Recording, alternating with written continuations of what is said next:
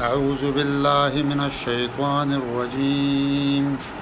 بسم الله الرحمن الرحيم يا أيها الذين آمنوا إذا قمتم إلى الصلاة فاغسلوا وجوهكم وأيديكم إلى المرافق وامسحوا برؤوسكم وأرجلكم إلى الكعبين وإن كنتم جنبا فاتطهروا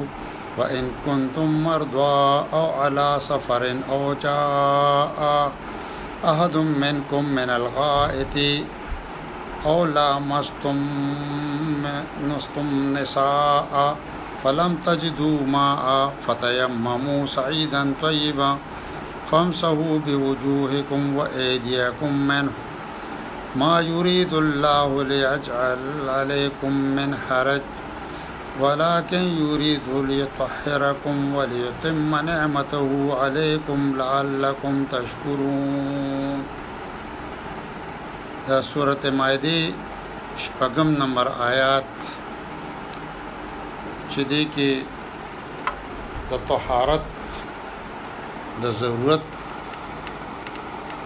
باره کې ذکر دی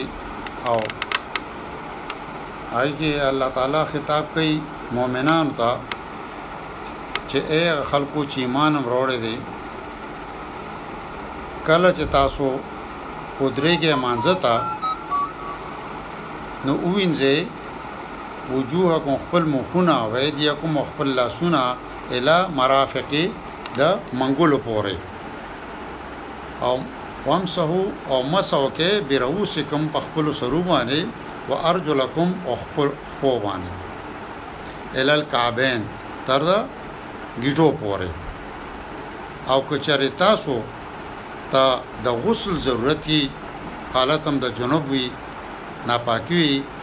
نو پورا ځان پاک کې فتوحرو یعنی پورا ځان پاک یعنی اولامبه او که چېرې تاسو بیمار یې یا په سفر کې یې او یا راشه تاسو کې یو کس د هغه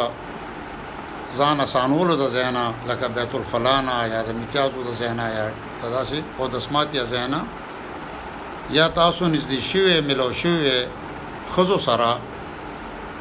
او بیا ونه مومئ تاسو اوبه نو تیمم وکړئ په خاورې سره چې پاکه وي او مس وکړئ په خپل مخونو باندې او په خپلو لاسونو باندې دا د خاورې سره او نه غواړي الله چې تاسو باندې کړي څه تنګي لیکن غواړي الله چې تاسو پاک کړي او تاسو باندې پوره کړي خپل نعمتونه او چې تاسو احسان ومنئ شکر گزار جوړ شئ په دې آیات کې او یو بل آیات ته چې هغه کې منیت شوی دی 43 نمبر آیات ته د سورته نساء چې هغه کې الله تعالی فرمایي چې منځ دې کېږي مانځتا په هغه حالت کې چې تاسو په نشه کې یې او تاسو نه پوهېږئ چې تاسو کوم الفاظ وایئ هغه څه دي نو دا یو حالت هم دې سره باقي هم د دې آیات په شان دی ټول ذکر دی پکې نو دې کې یو خو مسلمانانو ته خطاب کوي چې مونږ اهمیت څومره دی خو د مونږ اهمیت سره او دس لازم دی اودس لازم دی او پوهېدل پې لازم دی د هغه آیات په رڼا کې په چې کوم الفاظ مونږ وایي په هغې چې مونږ پوهېږو نو دا که زمونږ حالت ته خوب وي که د نشي وي یا پې مونږ نه پوهېږو په داسې حالاتو کې نو هغه کې وایي مه نږدې کېږئ مانځه ته او دې آیت کې فرمایي چې کله تاسو مؤمنانو مانځه ته ځئ مانځه ته ودرېږئ نو ووینځئ نو دې کې څلور اندامونو ذکر دی چې وینځه خپل مخونه او وینځه خپل لاسونه تر د منګولو پورې او په سر مسو کې او خپل خپې هم خپې هم مطلب چې دی او خپې نو د دې خپو د پاره دواړه دي چې وینځلم دي او مسا کولم دي نبی کریم صلی الله علیه وسلم ته داغه وضاحت کړي چې په کوم حالاتو کې مسا کوي او په کوم حالاتو کې به وینځي نو چې ته په عام حالاتو کې به او وینځل وي او چې په سفر کې او موزه چولی په هغه حالاتو کې به مسل کول شي په حالات سفر کې درې ورځې د پاره کافی دي او درې ورځې په مسل کول شي او داس د پاسه خو هغه یو ځل به تاین ځلی وي او موزه به چولی وي نو پس دا غنو په بیا مسکه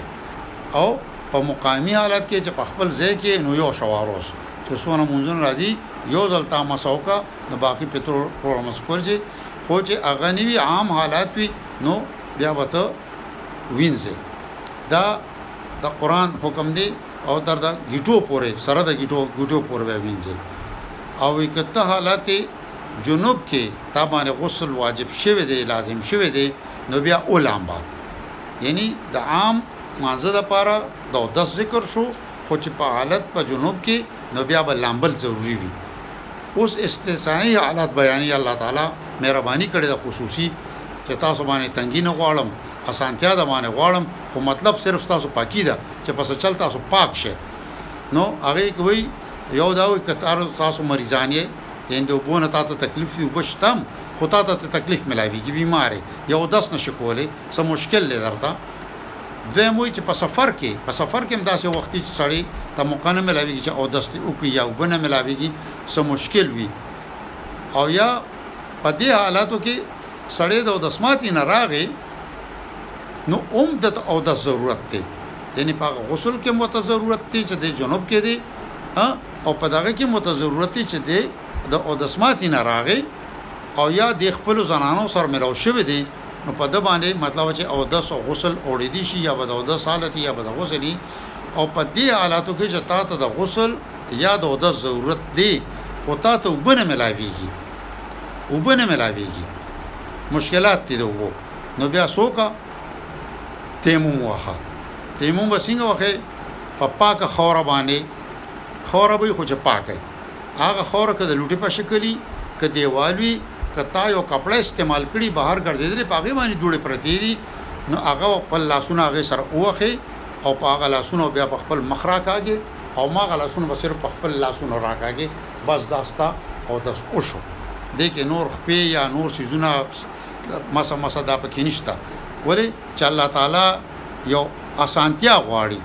اسانتیا مطلب چې هغه تاته. تکلیف نه درکول غواړي تنګي نه اوري الله تعالی په ست طریقه تا پاکول غواړي او دا صرف زمونږ د امت لپاره دی او دا الله تعالی غ خپل نعمتونه چې کوم دي دا غي اختتام په مونږه پوره کوي په مونږ باندې چې د سره تاسو ته دومره سانتیا هم صدر کوم چې تاسو زما شکریا ادا کړئ تاسو شکر گزار جوړ شئ او تاسو پاک شئ الله تعالی دې مونږ له په قران او په حدیث باندې په نصیب کړي او په غي د عمل کول توفیق راکړي صدق الله العظیم